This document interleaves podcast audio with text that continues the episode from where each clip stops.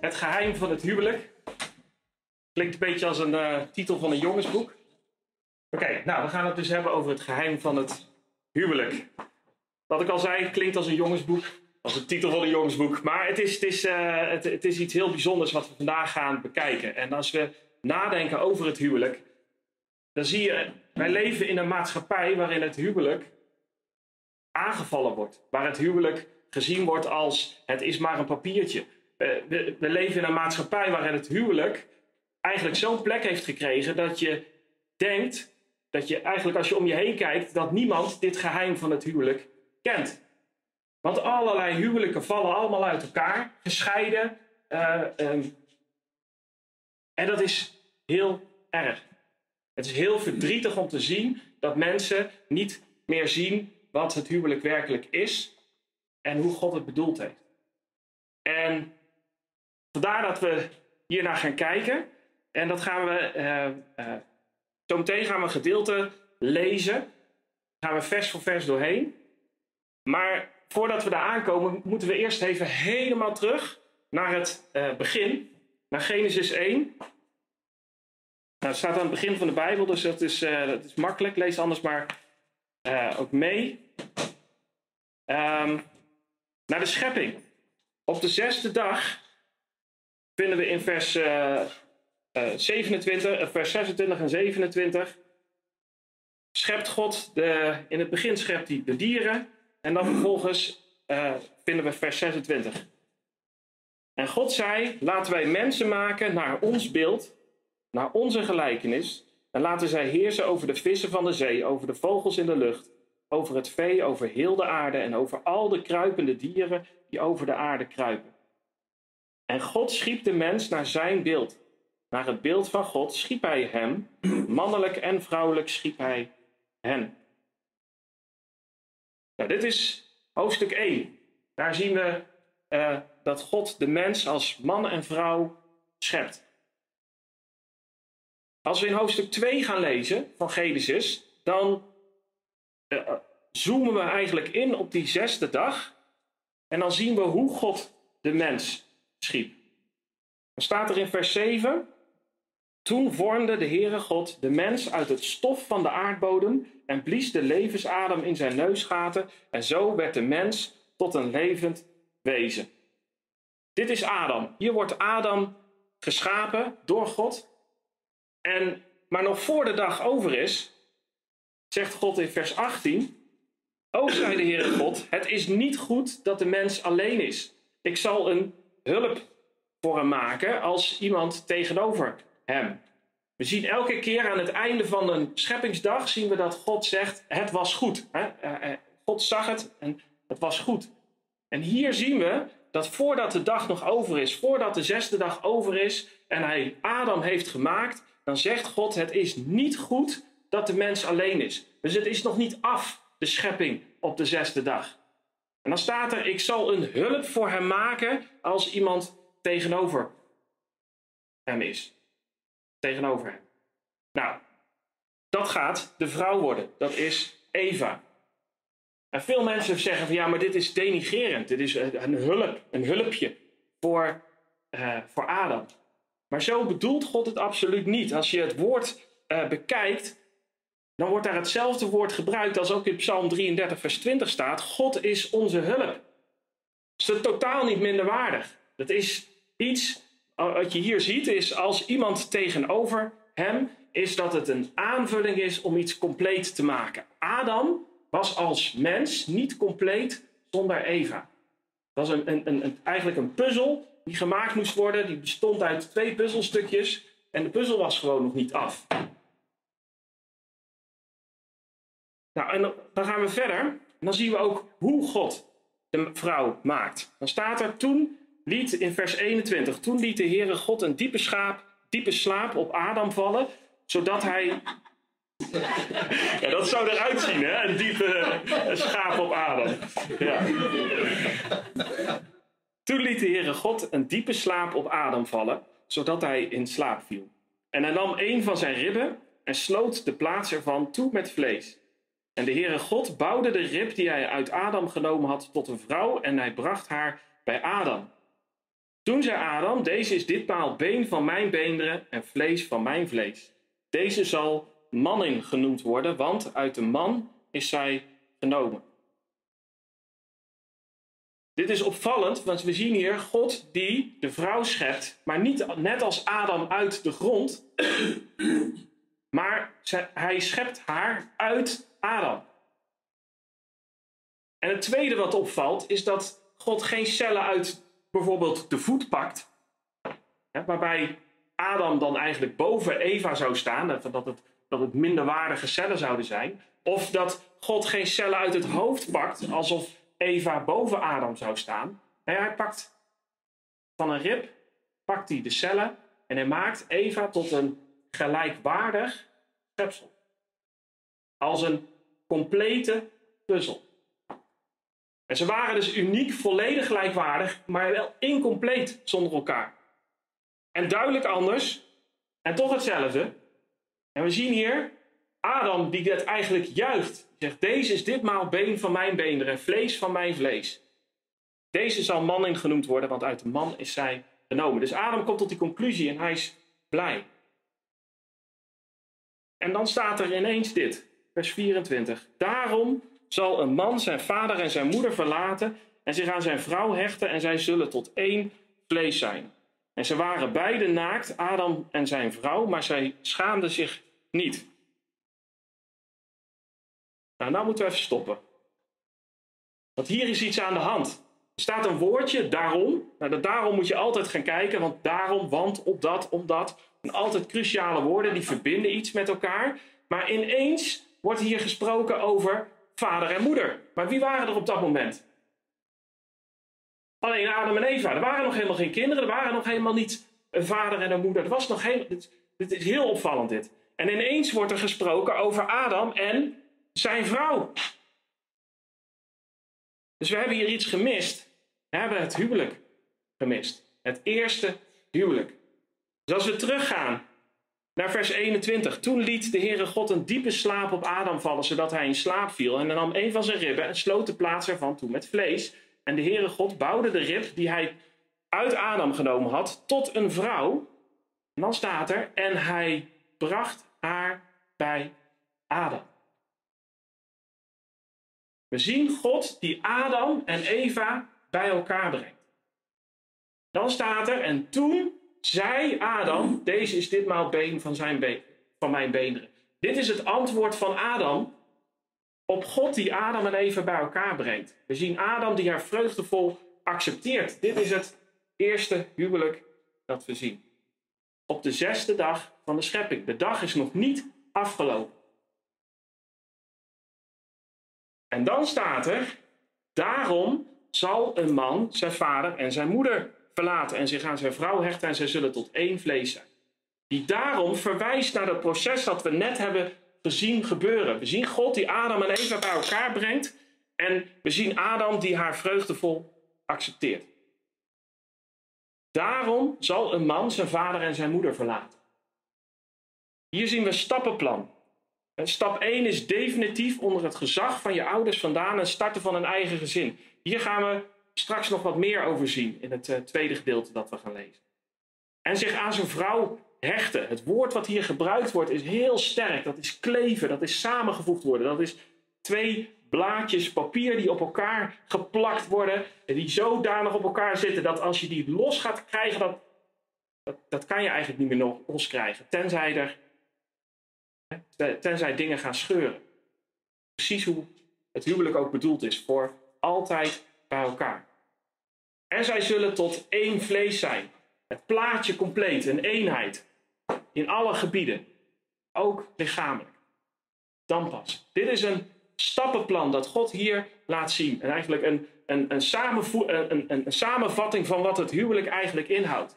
En het bijzondere is dat in welke cultuur je ook uh, uh, zit, dat eigenlijk deze dingen uh, zich uiten in, in, in, in de huwelijksvorm. En Jezus verwijst die naar. Als er een vraag komt over de scheiding, dan zegt hij: Hebt u niet gelezen dat hij die de mens gemaakt heeft, hen vanaf het begin af aan mannelijk en vrouwelijk gemaakt heeft, en gezegd heeft, en dan verwijst hij dus naar Genesis 2, vers 24. En dan zegt hij, zodat zij niet meer twee zijn, maar één vlees. Dus wat God samengevoegd heeft, laat de mens dat niet scheiden. Dit is de scheppingsorde. Hij verwijst hier naar de hij die de mens gemaakt heeft, naar de schepper. Heeft hem vanaf het begin af aan mannelijk en vrouwelijk gemaakt. Dus God heeft het huwelijk bedacht. Dit is, dit is niet bedacht door mensen, dit is door God bedacht. Adam en Eva gegeven. Dus we zien dit terugkomen. Je moet je ouders verlaten. De man wordt het hoofd van het nieuwe gezin. Onlosmakelijk hechten en kleven. Publiekelijk bekendmaken dat het voor iedereen duidelijk is. Deze twee horen bij elkaar. Scheiding hoort niet bij het plan. En de eenheid die God bedacht had, kan dan plaatsvinden. Op alle gebieden kan die eenheid gaan groeien. Emotioneel, sociaal, financieel en lichamelijk. Dit is het plan zoals God heeft het uitgestippeld in uh, de Bijbel. Al op de eerste dag dat de mens er was. De zesde dag van de schepping. Nou, er valt nog veel meer over te zeggen. We zullen vanochtend naar een klein onderdeel hiervan kijken. Er zijn nog heel veel vragen die niet, die, die, die niet aan de orde zullen komen. Als je ze hebt, stel ze vooral.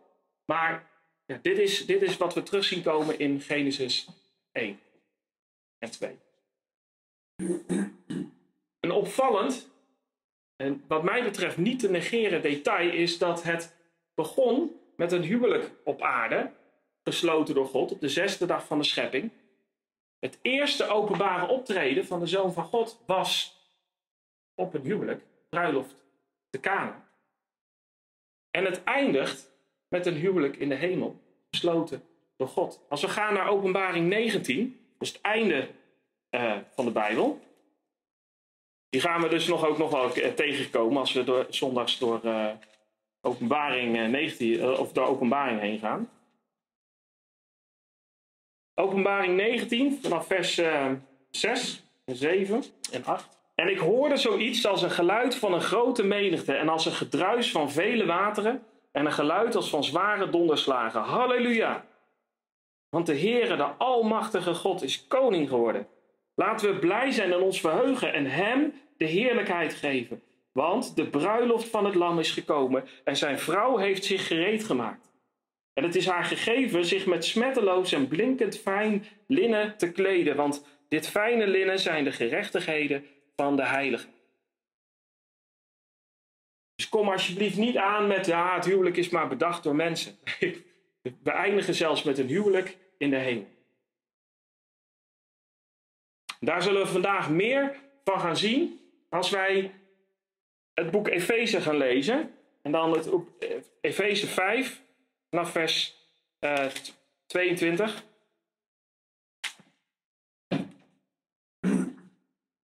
En dan gaan we vers voor vers doorheen. Dus zo gaaf wat God daar zegt over het huwelijk en over het grote geheim van het huwelijk. Vrouwen, wees uw eigen mannen onderdanig, zoals aan de Heer. Want de man is hoofd van de vrouw, zoals ook Christus hoofd van de gemeente is. En hij is de behouder van het lichaam. Daarom, zoals de gemeente aan Christus onderdanig is, zo behoren ook de vrouwen in alles hun eigen mannen onderdanig te zijn. Mannen, heb uw eigen vrouw lief. Zoals ook Christus de gemeente lief gehad heeft en zich voor haar heeft overgegeven. Opdat hij haar zou heiligen, door haar te reinigen met het waterbad door het woord. Opdat hij haar in heerlijkheid voor zich zou plaatsen. Een gemeente zonder smet of rimpel of iets dergelijks, maar dat ze heilig en smetteloos zou zijn. Zo moeten de mannen hun eigen vrouwen lief hebben als hun eigen lichaam. Wie zijn eigen vrouw lief heeft, heeft zichzelf lief.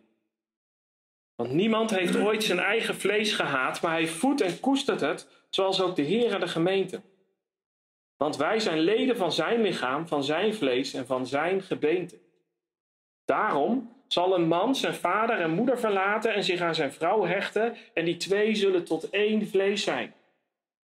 Dit geheimenis is groot. Maar ik spreek met het oog op Christus en de gemeente.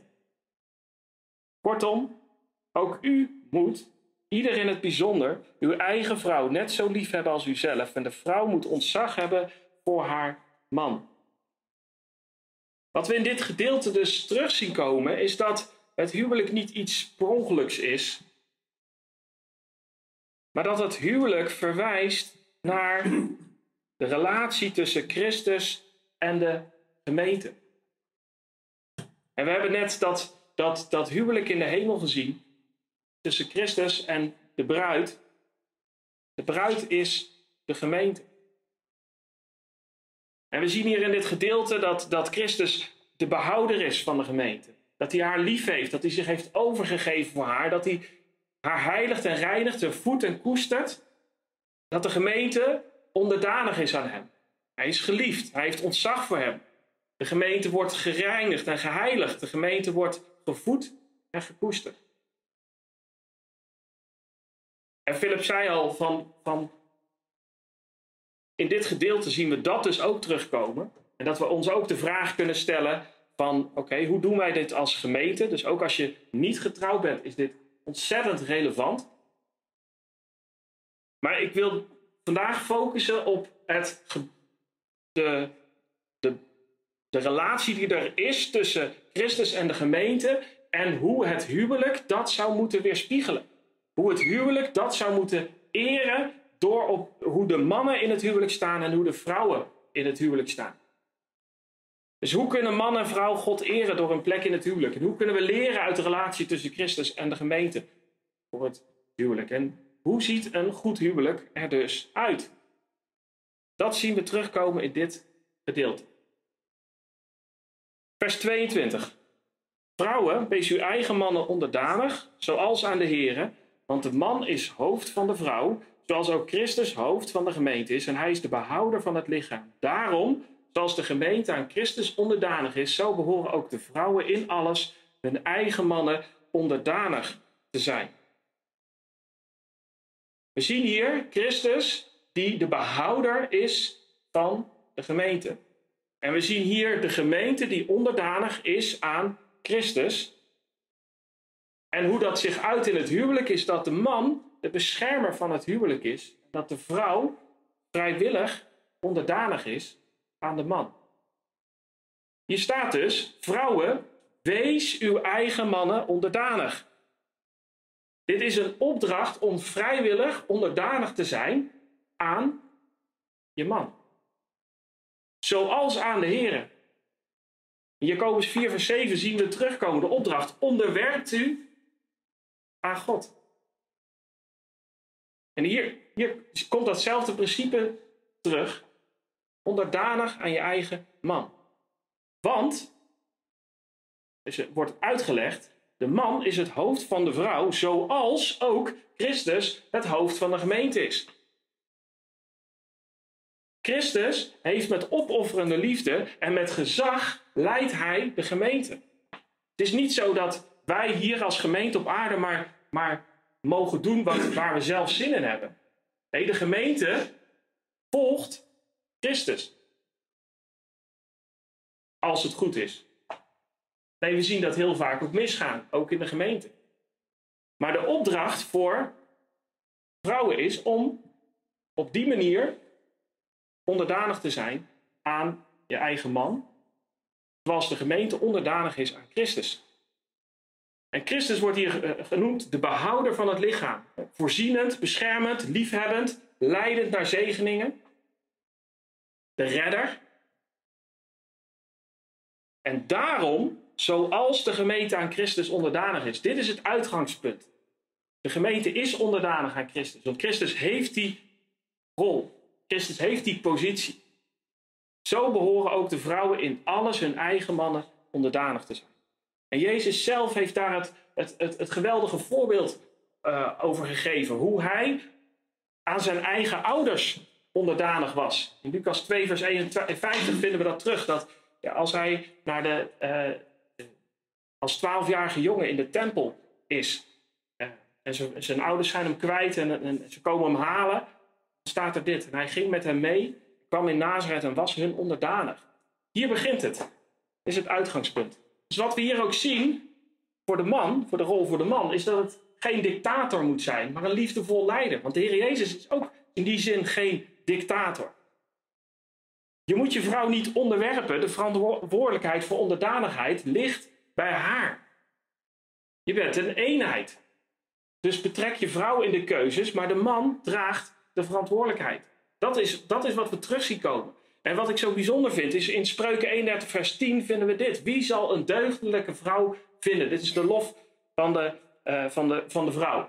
Haar waarde gaat hij van robijnen ver te boven. Op haar vertrouwt het hart van haar echtgenoot en bezit zal hem niet ontbreken. Zij doet hem goed en geen kwaad al de dagen van haar leven. Eenheid. Je kunt je, kunt je vrouw, als het goed is, vertrouwen. Je kunt haar betrekken bij alles wat je wil. Maar jij als man draagt de verantwoordelijkheid in je huwelijk. En we zullen verder ook op zien dat het belangrijk is om je keuzes op het woord van God te, be, uh, te baseren. Het is jouw taak om je gezin, in de eerste plaats je vrouw, te beschermen. Schaal ook in gebed, net als Christus pleit voor de gelovigen. De man is de beschermer van het huwelijk. Nou komen er een heleboel opdrachten voor mannen. Mannen, heb uw eigen vrouw lief, zoals Christus de gemeente lief gehad heeft en zich voor haar heeft overgegeven, opdat hij haar zou heiligen. Mannen moeten hun eigen vrouw lief hebben, zoals Christus de gemeente lief gehad heeft. Dan staat er ook uit, uitgelegd hoe dat dan is. Hij heeft zichzelf voor haar overgegeven. Liefde overkomt je niet. Liefde is een opdracht. Heb je eigen vrouw lief. En dan met een opofferende liefde, zoals ook Christus de gemeente lief gehad heeft. Christus is zelfs gestorven voor ons, onze zonde. Hij heeft ons gekocht en betaald met zijn bloed. Dat is de liefde die een man in het huwelijk moet tonen. Er staat hier ook nog een opdat bij. Opdat hij haar zou heiligen. Dit is niet zomaar ja schat, tuurlijk schat, nee tuurlijk, ja lieverd, ja. Dit is met een duidelijk doel. Opdat hij haar zou heiligen. Het doel van een man in het huwelijk, de rol van een man in het huwelijk is om zijn vrouw naar de Here toe te leiden. Steeds meer en meer. Als beschermer. Dit is geen met een biertje op de bank vrouw in de keuken mentaliteit. Dit is actief op zoek naar wat goed is voor haar met zelfopofferende liefde. Geestelijk leiderschap is dienen, vooropgaan in het goede. Mannen die getrouwd zijn of die gaan trouwen. Ben jij dit? Ben jij geestelijk leider jouw huwelijk? Dit is geen luie houding op de bank liggen. En besef ook, voor de man geldt ook in vers 21 hiervoor staat: Wees elkaar onderdanig in de vrezen van God. De man moet ook zijn vrouw onderdanig zijn. Alleen niet in rol of positie, maar in rekening houdend met noden, angsten, gevoelens, etc. Dit is zo bijzonder als je ziet hoe God het huwelijk neerzet. Dit is toch, dit plaatje, dit wil je toch? Dit is toch, dit is toch, dit schittert. Dit is het geheim van een goed huwelijk. En stop nou eens met gesteggel over allerlei niet relevante, niet geestelijke zaken. Los ze gewoon op. Hoezo is in een wc-bril omhoog omlaag een issue? Hoezo zijn handdoeken op de grond in de badkamer een issue?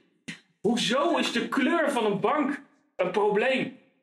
Hoezo wordt er zo vaak geruzied over geld in een huwelijk? Hoezo, hoezo, hoezo?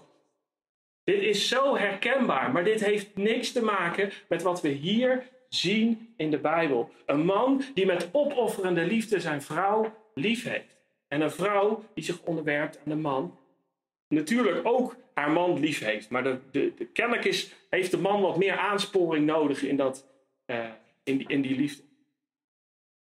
Met de juiste houding vallen heel veel, tussen aanhalingstekens, problemen weg. Filippenzen 2 vers 3 zegt dit. Doe niets uit eigen belang of eigen dunk. Maar laat in nederigheid de een de ander voortreffelijker achter dan zichzelf. Laat een ieder niet alleen oog hebben voor wat van hemzelf is. Maar laat een ieder ook oog hebben voor wat ander is. De context van deze tekst is dat het wordt geschreven aan iedereen. Aan alle gelovigen. Dit. Maar in het huwelijk is dit zo belangrijk. Dat je niet alleen kijkt naar wat, wat jij zelf leuk vindt. Maar dat je kijkt naar van hoe kan ik de ander dienen? Hoe kan ik de ander helpen? Hoe kan ik het, de ander uh, ja, zodanig laten zijn dat het goed is voor die ander?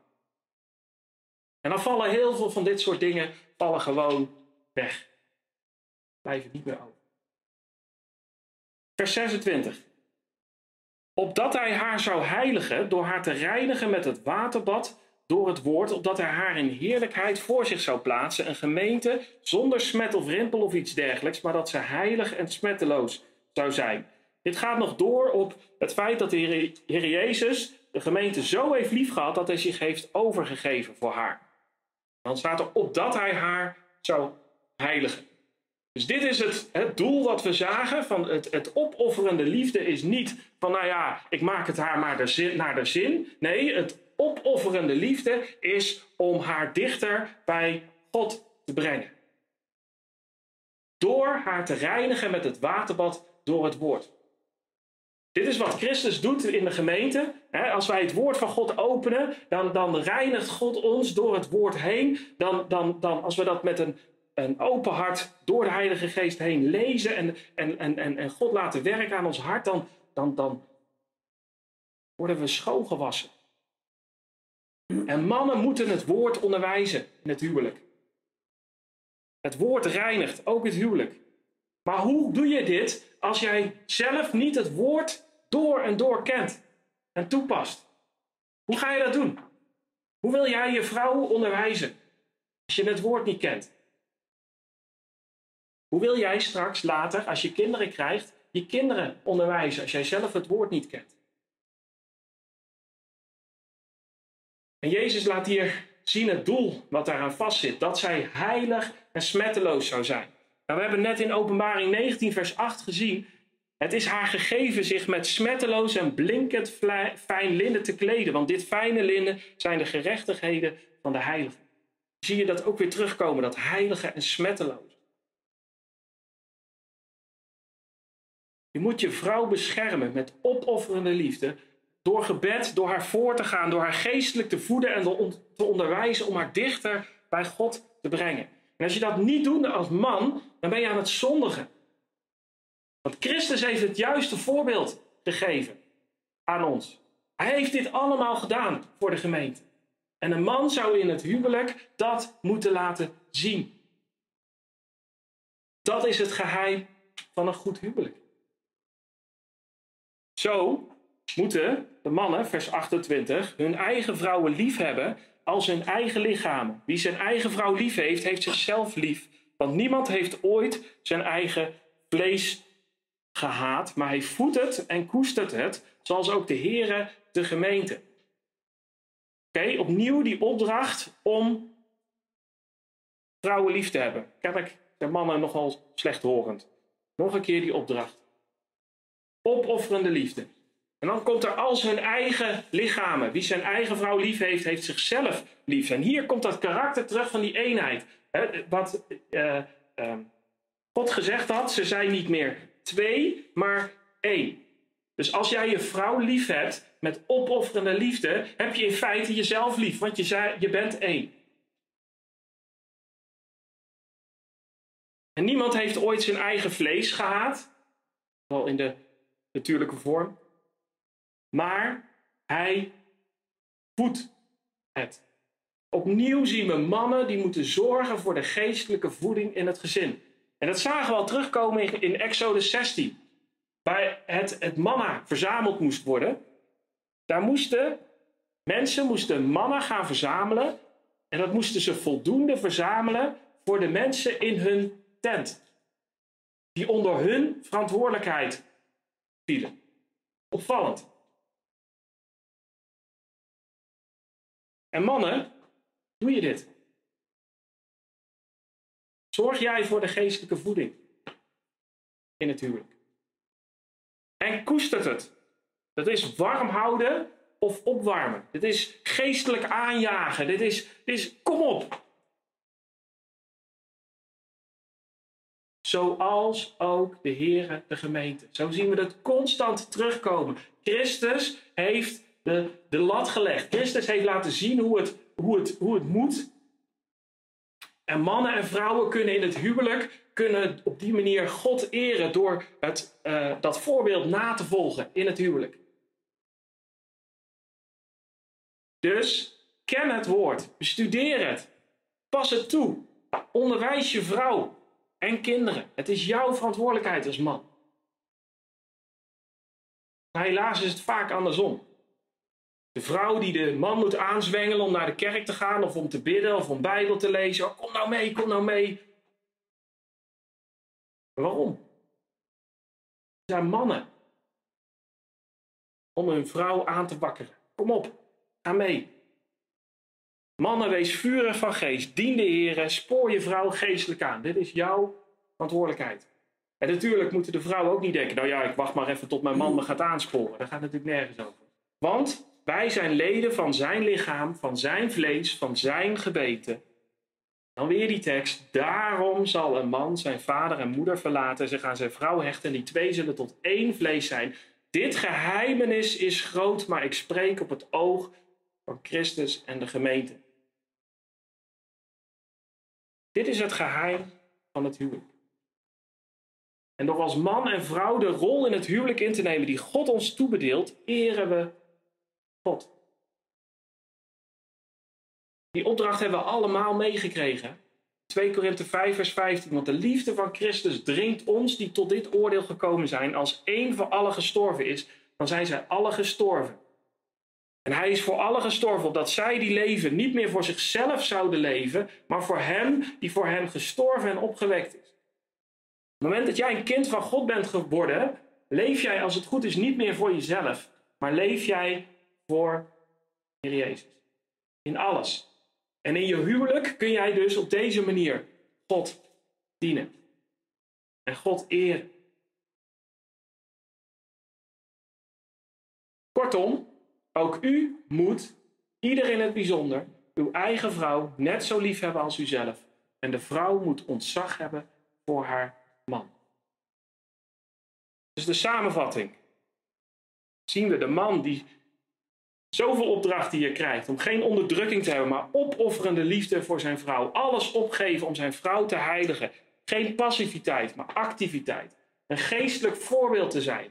Het, het woordonderwijs aan vrouwen en kinderen. Geestelijke aansporing. Allemaal opdrachten die we hier terugzien aan de man. En dan eigenlijk één of twee simpele op, opdrachten aan de vrouw. Onderwerpen aan de man zoals aan Christus. En hier zien we ontzag hebben voor hem. En dit is het geheim van het huwelijk. Als je dit toepast, vanuit de kracht van God, vanuit jouw liefde voor God, vanuit wat God gedaan heeft in, jou, in jouw hart, toen hij een nieuw mens in jou schiep, toen je tot geloof kwam. Als je dit toepast, samen,